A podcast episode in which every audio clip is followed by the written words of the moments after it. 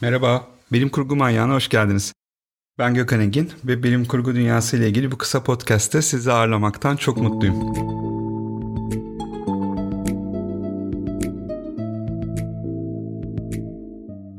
Bu yayında bilim kurgu dünyasının ilk bakışta göze görünür yüzünün arkasına bir göz atacağız.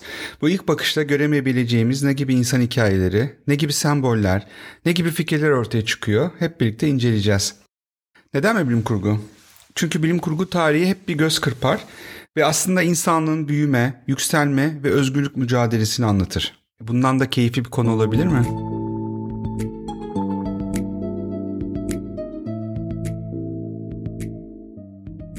Başlamadan formatı da çok kısa hatırlatayım. Podcast iki ana kısımdan oluşuyor. İlk kısımda bir insan hikayesine bakıyoruz. Burada bilim kurgu dünyasından bir karakteri inceliyoruz genelde ve empati kurarak onu anlamaya çalışıyoruz. İkinci kısımda ise yine bilim kurgu dünyasında gördüğüm ve günümüzdeki bilimsel ya da felsefi tartışmalarla ilgisi de olan bir konuyu konuşacağız. Kapanışa geçmeden önce de kısa bir şekilde çok severek okuduğum ya da izlediğim bir bilim kurgu eserini sizlerle paylaşıyorum. Burada bahsediyorum. Belki okumamış ya da görmemiş olan bu vesileyle deneme fırsatı bulur. Bugün 27 Şubat 2021. Hadi başlayalım.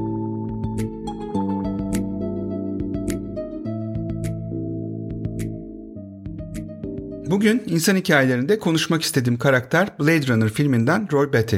Tabi Blade Runner deyince yeni olandan değil, en baba orijinal olandan bahsediyorum. O konuda duruyor tabi ayrı. Yani onu ayrıca konuşacağız. Şimdi Blade Runner hakkında çok konuşmaya gerek olmadığını biliyorum. Sevenlerin çok sevdiği, sevmeyenlerin sevmemek için kendini biraz zorladığı, yapıldığı zamanın teknolojisi bakışı ve bazı naiflikleriyle de bezenmiş. Fakat dönüp dönüp tekrar seyrettiğim bir film bu. Hepimizin bu filmden kendine göre çıkardığı notlar, etkilendiği sahneler ve hissettiği duygular olduğunu eminim. Ya benim de var. Bunlardan biraz bahsetmek istiyorum. Benim bu filmi seyrederken, konu düşünürken ya da konuşurken aklıma hep şu geliyor. İnsanlık bir ütopya hayal ederken yani güzel ve e, mükemmel bir şeyi hayal ederken neden hep distopyaya ulaşıyor?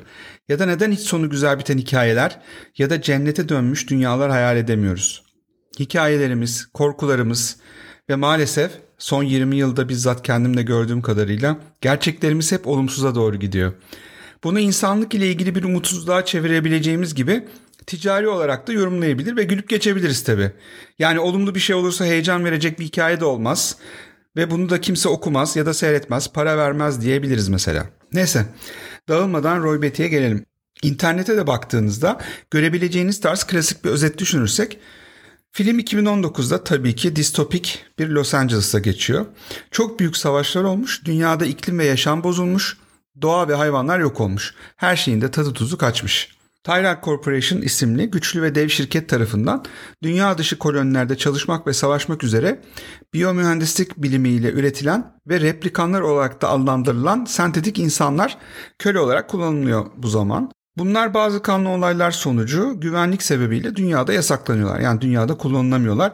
Bu replikanlar çok güçlü, çok akıllı ve insanlardan her konuda üstün.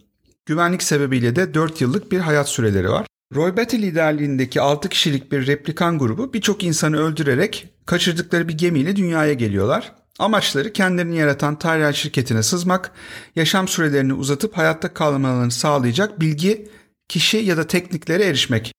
Kaçak replikanları avlayan ve Blade Runner olarak bilinen elit bir polis ekibinden Rick Deckard da var. O da isteksizce biraz da zorlamayla onları avlamayı kabul ediyor.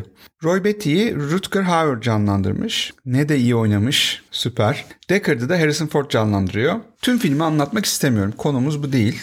E, Roy Batty birçok kişiyi öldürüyor. Zekasını da kullanarak doğru kişileri bulup manipülasyon ve tehdit ile sonunda Tyrell şirketinin kurucusu Dr. Eldon Tyrell'in odasına ulaşıyor. Bu zaten filmin neredeyse tamamını alıyor.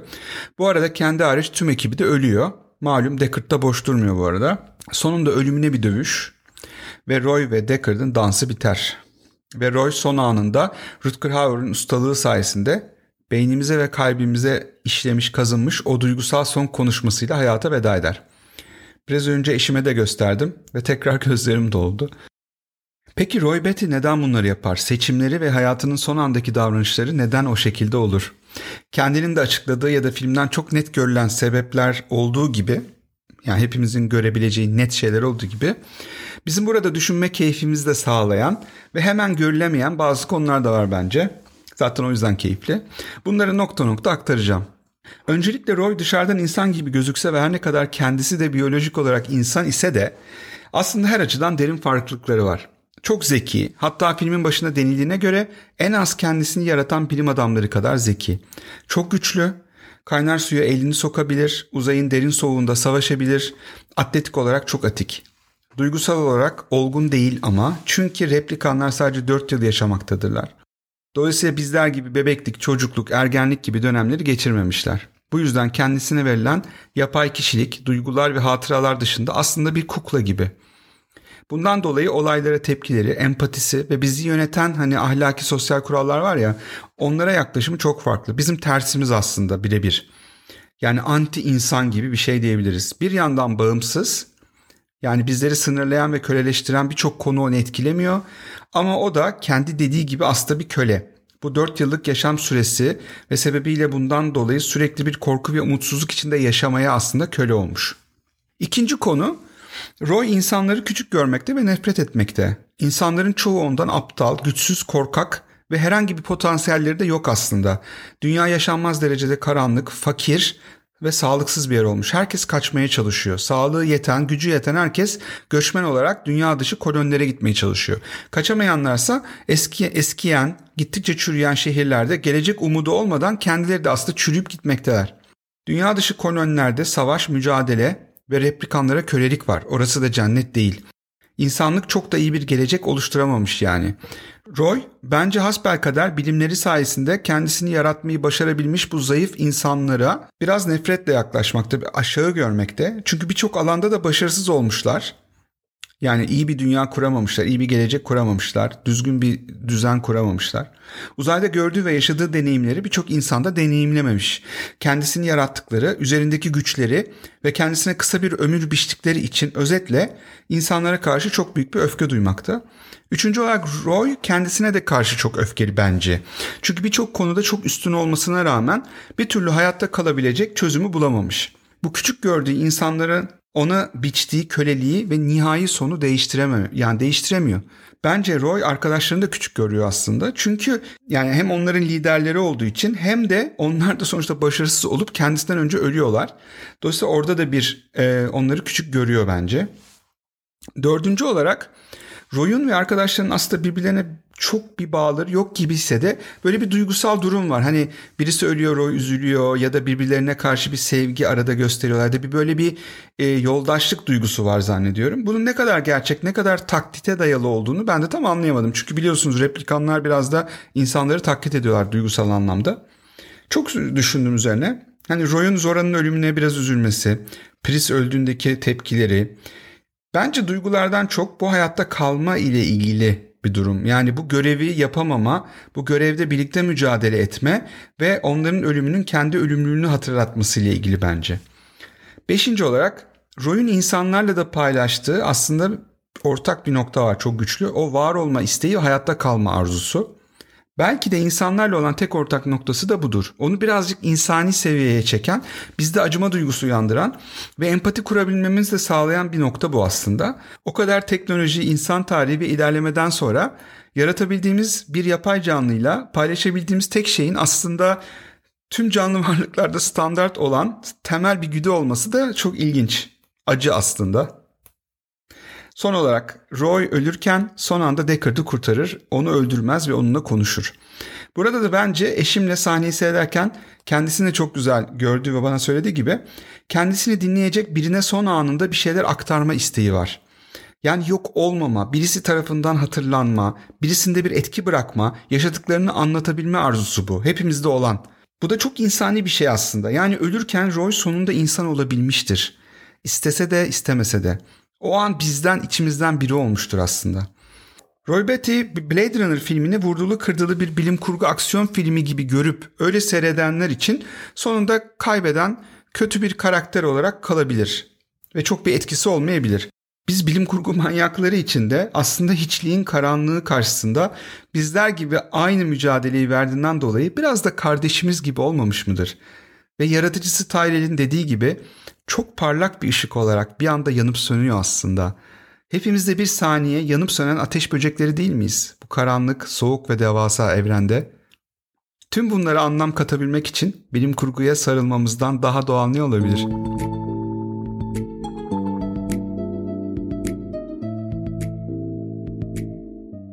İkinci kısımda bahsetmek istediğim konu bilim kurgu filmlerinde çok yapılan bazı bilimsel hatalar ya da tutarsızlıklar. Beni bir bilim kurgu manyağı olarak bile rahatsız eden bu birkaç konudan çok kısa bahsetmek istiyorum. Bunlardan bir tanesi uzay gemileri uçarken çıkan sesler. Biliyorsunuz uzayda hava yok ve ses dalgaları yayılamaz. Halbuki birçok uzay filminde uzay gemileri uçarken, savaşırken ya da patlarken ses efektleri kullanılır.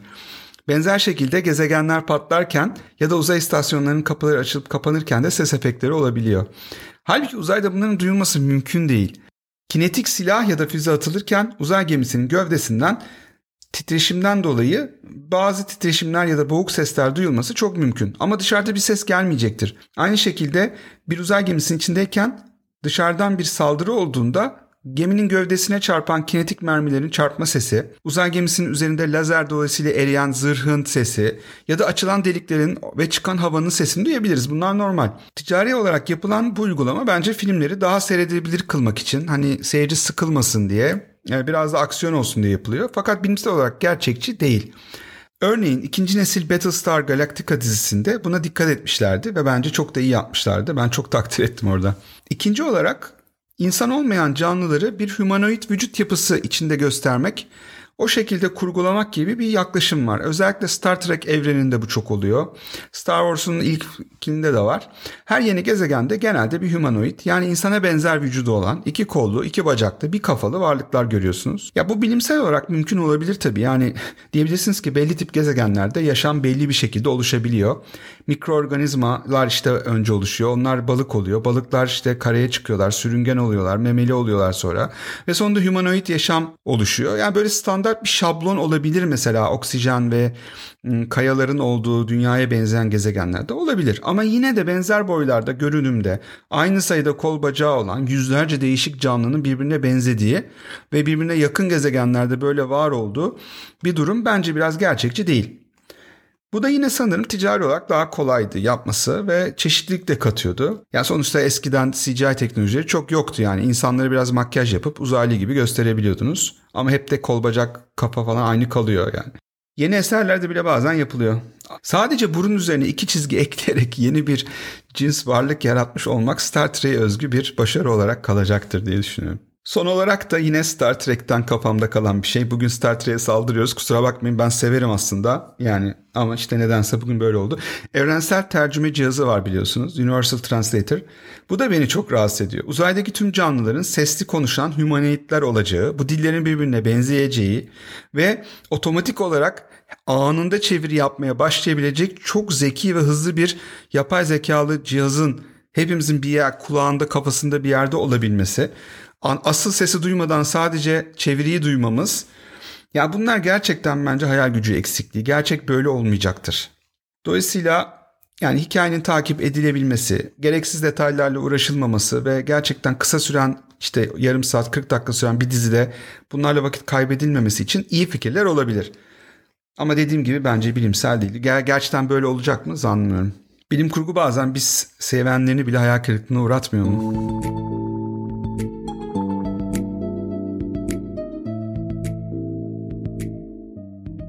Evet, kapanışa geçmeden bu bölümün tavsiyesini de paylaşmak istiyorum. Bugün tavsiye edeceğim bilim kurgu eseri, daha doğrusu serisi. Harry Harrison'dan The Stainless Steel Rat. Yani paslanmaz çelik sıçan serisi.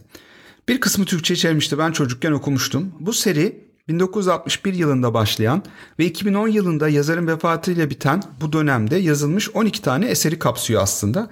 Hikayenin kahramanı Kaypak Jim ya da paslanmaz çelik sıçan lakaplarıyla da tanınan James Bolivar de Gris. Benim de gerçekten bilim kurgu dünyasında çok sevdiğim bir karakter. Kendisi çok becerikli ve sempatik bir üçkağıtçı ve hırsız. Öldürmeyi sevmiyor, kimseyi öldürmüyor. Yaptığı hırsızlıklarla topluma da bir eğlence faktörü kattığını düşünüyor ve birçok alanda da yeteneği var. Yani dövüşten kapı açmaya, yok işte üç kağıt yapmaya bir sürü bir sürü. Okuması çok keyifli, eğlenceli ve güzel yaratılmış bence bir bilim kurgu evreni bu. İdeal yani eğlencelik ve keyif almak için her zamanki gibi İngilizce orijinalini okumanızı tavsiye ederim. İlk kitaptan başlayın derim. Yani 1961 tarihli olandan. Bilim kurgu, mizah, felsefe ya da polisiye ile karıştığı zaman aslında ne kadar keyifli oluyor değil mi?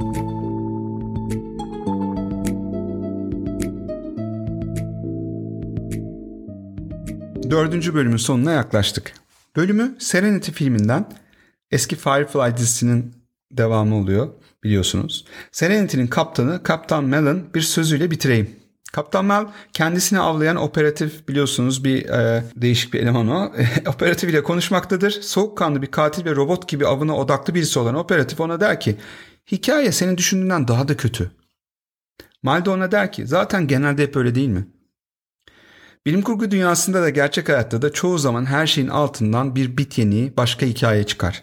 Siz de hep olayların, insanların ve hikayelerin arkasına, altına, sağına, soluna çok iyi bakın. Olmaz mı? Ne sürprizler çıkacak bakalım. Kim bilir?